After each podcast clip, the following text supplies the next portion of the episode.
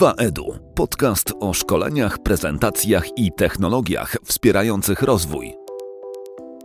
Cześć, dzień dobry. Z tej strony mikrofonu Piotr Peszko.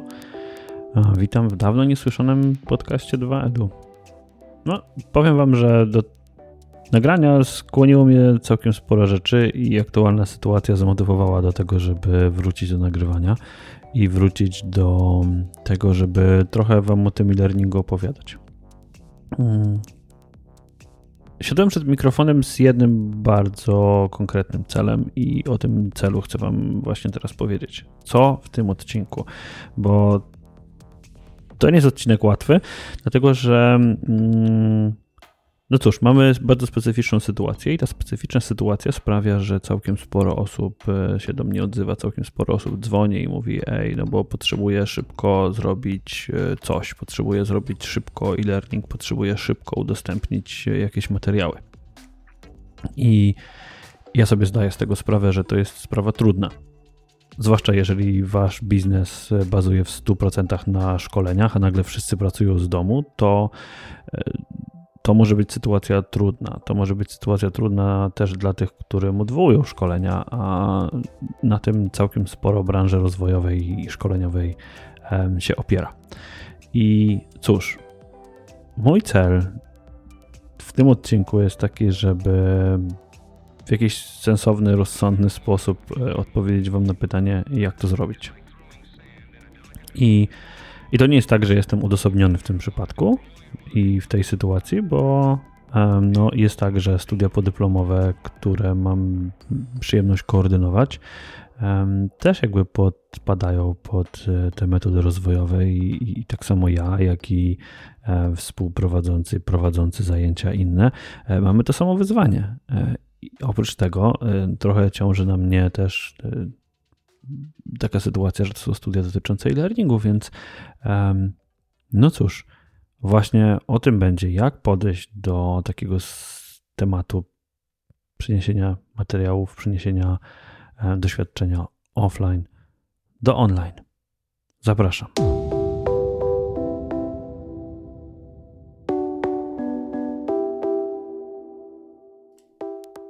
Studia podyplomowe, które chcę, żeby były przykładem tej naszej dyskusji i rozmawiania odnośnie tego, e, co i jak można zrobić, e, nie były zaplanowane na to, żeby być e, tworzone online. Projektując je, nie myślałem o tym, żeby robić je e-learningowo z wielu względów, ale o tym może kiedy indziej.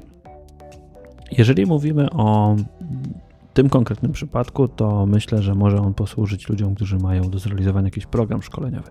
Nie tyle jedno szkolenie, co większy program bo sytuację mamy taką, że mamy do zrealizowania ciągle pozostało nam ponad 60 godzin zajęć. Są to, są to wykłady, warsztaty, ćwiczenia, konsultacje do zrealizowania jakiś projekt, tak? Więc mamy miks wszystkich rzeczy, które nie są takimi laboratoriami może, no bo, bo, bo je byłoby trudno zrobić, ale mamy miks różnych form, które również w Waszych projektach rozwojowych się na pewno będą pojawiały. I teraz, co chciałem Wam e, zaproponować? Jakie podejście? Podejście, które ma cztery fazy. Jeden to skupienie się na tym, jak ten przedmiot, jak cały program wygląda.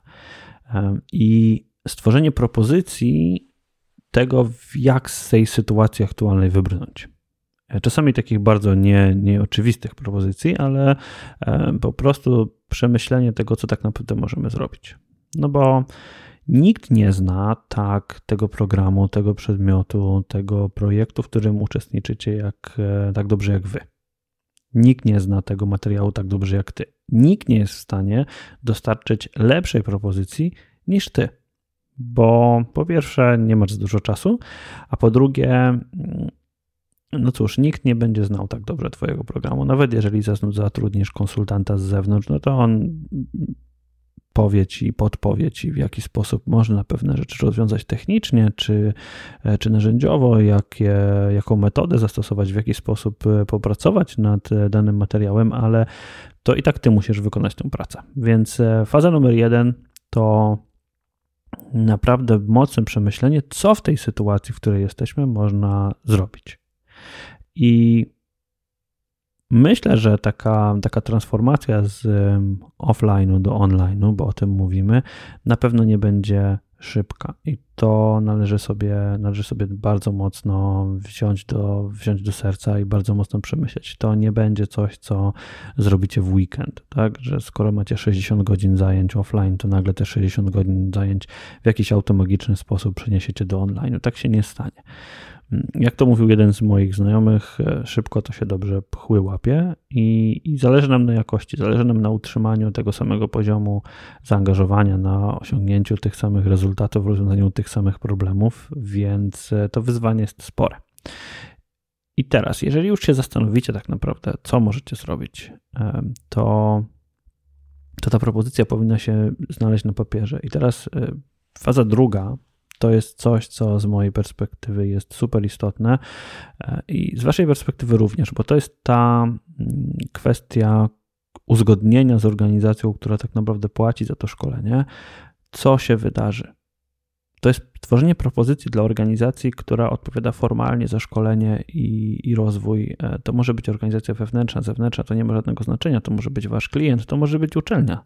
Tak, ale te formalności są trudne ale bez załatwienia tych formalności, moim zdaniem, nie ma sensu iść dalej. E, formalności są trudne i robienie ich online jest e, wymagające, ale jeżeli chcecie za pracę dostać pieniądze, to te formalności muszą być uzgodnione, chociażby z uczelnią. I teraz po to była ta faza pierwsza, żeby teraz w tej fazie drugiej przedstawić propozycję, przedstawić plan działań, pokazać w jaki sposób będzie zaraportowana na przykład obecność, e, w jaki sposób będziemy raportować e, nasz czas spędzony w uczeniu online. I nie mówię tylko o tym czas spędzony na webinarze, ale czas potrzebny do zrealizowania, e, zrealizowania pewnych, pewnych działań. Warto też pokazać, w jaki sposób będziemy raportować postępy, w jaki sposób zaplanujemy prace grupowe, jakie artefakty, czy co, co tak naprawdę zbierzemy. To, może, to mogą być zdjęcia, to może być e, nagranie jakiejś wypowiedzi czyjeś, to może być mnóstwo rzeczy, które możemy zrobić online. Nic nie stoi na przeszkodzie, ale musimy to uzgodnić. I tutaj e, kwestia ostatnia, moim zdaniem, w tej drugiej fazie, to jest podpisać aneks. Czyli jeżeli jesteście mm, aneks do umowy, jeżeli macie umowę, to podpisać aneks do umowy, uzgodnić formalnie to, co ma się tak naprawdę wydarzyć.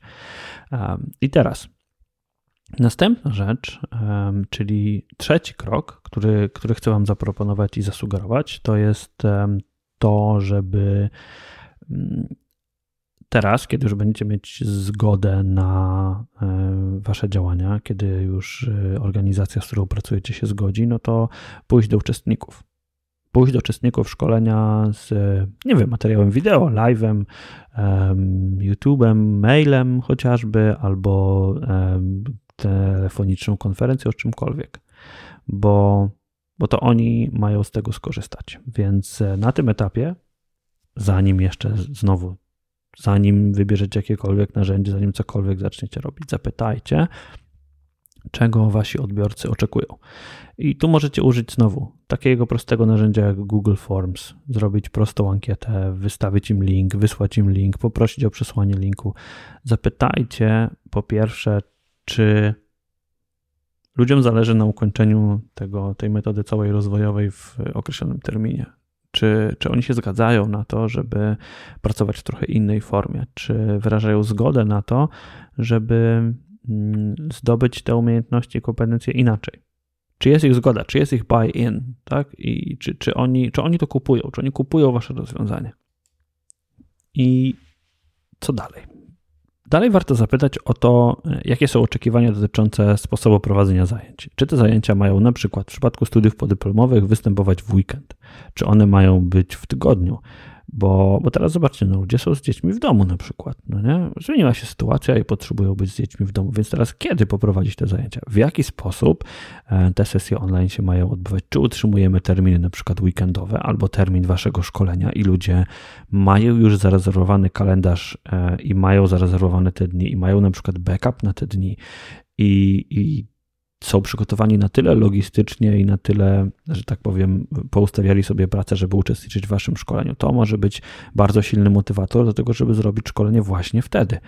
A z drugiej strony, jeżeli ludziom się diametralnie zmieniła sytuacja i chcą, żeby to szkolenie było wieczorem, no to może warto spróbować to szkolenie zrealizować wieczorem.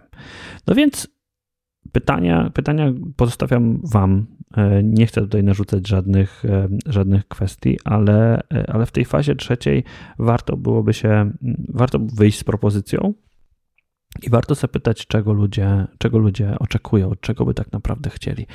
I, I w fazie czwartej, bo do niej się już zbliżamy, myślę, że trzeba wrócić do ludzi, z którymi pracujecie, czyli do innych prowadzących bo to oni prowadzą, to inni trenerzy może prowadzą część waszych projektów, trzeba do nich wrócić, trzeba wrócić do nich z jakąś konkretną, e, z jakąś konkretną informacją, konkretną propozycją.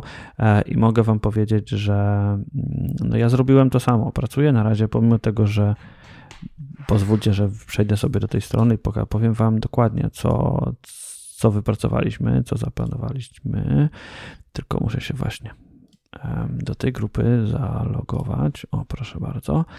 I jak wygląda sytuacja? Są różnej, różnej wielkości przedmioty, prawda? Są przedmioty, które trwają 2 godziny, są przedmioty, które trwają 20 y, godzin. I teraz na przykład, jaka jest moja propozycja?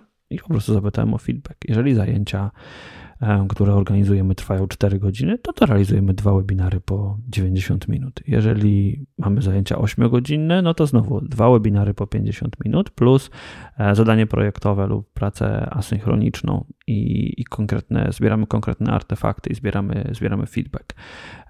Więc e, jeżeli te zajęcia będą, będą dłuższe, to ciągle nie mam rozwiązania. Ciągle zastanawiam się i chcę wypracować z e, uczelnią, e, z moim zleceniodawcą wypracowanie na zajęcia 20-godzinne, e, bo nie wiem na ile połączenie webinarów z projektem się uda. Jestem na etapie analizowania tego, przemyślenia tego i wyjścia z propozycją, która będzie możliwie możliwie najbardziej, najbardziej sensowna i najbardziej skupiona na, na rezultatach tego e, i na tym, co tak naprawdę nasi uczestnicy mają, mają zrobić i co tak naprawdę mają, e, mają otrzymać. Więc um, będę Was informował na temat tego, mm, jak te, e, jak te postępy i, i co wymyśliliśmy i jak to będzie działało, ale na razie, hmm, na razie jesteśmy na takim etapie, że mamy cztery fazy, czyli analizujemy to, co już wiemy, jak przedmiot można zrealizować bez możliwości spotykania się fizycznie.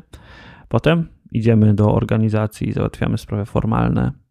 Uzgadniamy to, w jaki sposób będziemy w nowym setupie, w nowym ułożeniu pracować.